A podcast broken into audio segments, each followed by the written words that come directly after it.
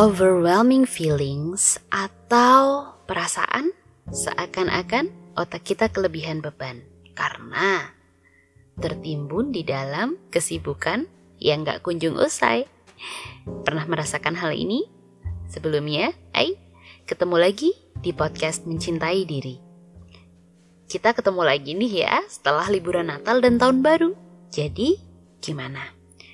Apa nih resolusi di tahun 2022? Apakah mau jadi lebih produktif?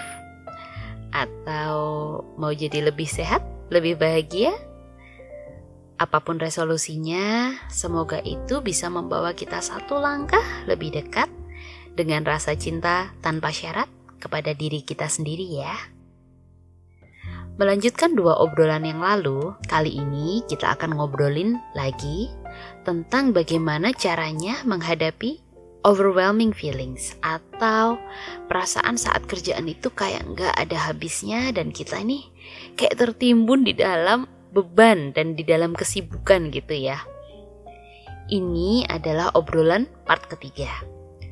Obrolan sebelumnya bisa diikuti di episode dalam tanda kutip saat overwhelming feelings atau otak kelebihan beban part pertama dan part kedua. Lantas, apa sih yang terjadi saat overwhelming feelings hadir di dalam diri kita? Nah, hal ini berbeda-beda ya untuk kita semua. Beberapa dari kita mungkin akan window shopping atau scrolling sosial media berjam-jam atau nonton film tanpa henti. Untuk penjelasan lebih detail tentang hal ini bisa disimak di obrolan part 1 dan part kedua dalam rangkaian episode ini ya. Sebelum obrolan berlanjut, seperti biasa, jangan bosan ya. Ayo kita tarik nafas dalam-dalam dan hembuskan perlahan. Ikuti saya ya. Oke, satu, dua, tiga, dan hembuskan perlahan. Bisa diulangi lagi kapan pun diperlukan.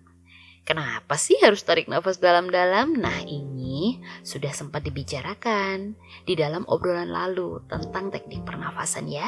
Yuk disimak. Baiklah, yuk kita lanjutkan obrolan tentang overwhelming feelings ya. Oh iya, Obrolan kali ini diambil lagi dari Psychology Today ya. Lantas, apa yang perlu kita lakukan saat overwhelming feelings hadir di dalam keseharian kita? Ini dia trik yang bisa dilakukan mulai dari nomor 6 hingga terakhir nomor 8. Trik-trik sebelumnya bisa didengarkan di part 1 dan part kedua ya dalam episode ini. Jadi bagaimana? Sudah siap? Baiklah, saat kita sedang merasakan overwhelming feelings, ini hal-hal yang perlu dilakukan. Nomor 6. Cobalah untuk mengikuti dorongan kita. Hmm, bagaimana itu? Jadi gini, kadang kan saat kita sedang mengerjakan hal-hal yang membosankan, kita kadang malah gampang distracted ya. Atau ini terdistraksi oleh dorongan-dorongan tertentu. Misalnya, saat ngerjain presentasi yang besok sudah deadline nih, eh tiba-tiba keinget harus cari resep ramen yang ingin dimasak tadi siang. Atau kita tiba-tiba teringat nih, kita belum check out nih aromaterapi padahal sedang diskon, misalnya seperti itu. Nah, saat hal ini terjadi, cobalah untuk mengambil catatan kecil. Bisa pakai post-it, atau ya kita tulis aja di selembar kertas atau bisa tulis di gadget ya. Jadi kita bisa tulis gini nih. Satu, cari resep ramen. Dua, check out aromaterapi sebelum jam 12 malam misalnya seperti itu. Karena diskonnya cuma hari ini. Nah, cukup dengan menuliskan hal-hal tersebut, itu sudah bisa membantu agar dorongan-dorongan tersebut bisa pergi. Nah, kalau kita sedang merasa cukup percaya diri nih, bisa juga dengan memikirkan aja. Jadi, Gak perlu ditulis. Jadi siapa aja nih di sini yang pernah merasakan hal tersebut? Sedang enak-enak kerja, eh tiba-tiba keinget mau beli cupcake. Semoga trik ini bisa membantu ya. Oh iya, teman-teman, maaf kalau kadang terdengar suara ayam atau suara cicak gitu ya. Kebetulan rumah saya di desa dan saya nggak pakai studio. Jadi ya background suara lain akan terdengar di dalam podcast ini. Nggak apa-apa ya. Ayo kita lanjutkan ya. Nomor 7. Coba kita rampingkan to-do list. Jadi, gak cuma penampilan aja ya yang perlu di makeover, to-do list juga. Karena saat overwhelming feeling sedang menyapa, melihat tumpukan to-do list itu bisa membuat kita semakin tertekan. Siapa yang pernah merasakan? Nah, ada banyak cara untuk merampingkan to-do list. Seperti coba untuk mengelompokkan to-do list serupa. Misalnya, check out aromaterapi dengan memesan cupcake di aplikasi food delivery. Nah, itu kan kita bisa kerjain barengan, jadi kayak satu folder gitu. Atau bisa juga begini, mengelompokkan mencari resep ramen dengan mencari referensi restoran ramen terbaik di sekitar rumah. Cara lain bisa juga dengan membuat to-do list sesuai dengan energi kita di jam tersebut. Misalnya, kita membuat jadwal untuk pekerjaan-pekerjaan yang perlu berpikir, perlu perencanaan gitu ya. Itu di pagi hari. Dan pekerjaan-pekerjaan yang gak perlu berpikir misalnya merapikan kulkas. Nah itu di siang hari saat kita mulai mengantuk. Siapa nih yang kalau siang hari suka mengantuk? Tos ya karena saya juga begitu. Jangan lupa untuk tarik nafas dalam-dalam dan hembuskan perlahan kapan pun diperlukan ya. Ayo kita lanjut ke poin terakhir. Nomor 8 terimalah keadaan bahwa memang tidak segala hal bisa kita lakukan dan kita kontrol.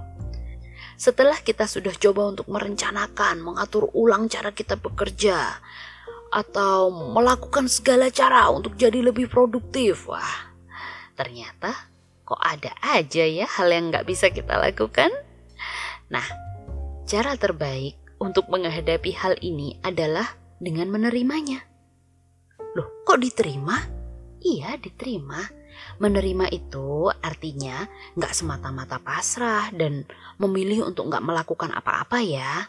Tapi menyadari bahwa memang ada banyak sekali hal di luar sana yang di luar kontrol kita dan itu harus kita terima. Jadi, daripada kita menyalahkan diri sendiri, ih kamu kenapa sih kok gak bisa ngelakuin hal itu gitu ya lebih baik kita fokus aja kepada hal-hal yang memang bisa kita lakukan. Ini contohnya ya. Saat kita mengendarai di jalan raya, kita harus menerima bahwa sebaik apa pun kemampuan kita mengemudi, tetap ada kemungkinan bahwa pengemudi lain akan tidak berhati-hati dan menyerempet kita. Tapi kita tetap mengemudi kan? Atau bisa juga begini, saat kita mencintai seseorang, gak peduli nih betapa tulusnya kita mencintai orang tersebut dan betapa baiknya kita memperlakukan orang tersebut, ada kemungkinan kan orang yang kita cintai itu akan meninggalkan kita tiba-tiba tanpa satu pun kata perpisahan.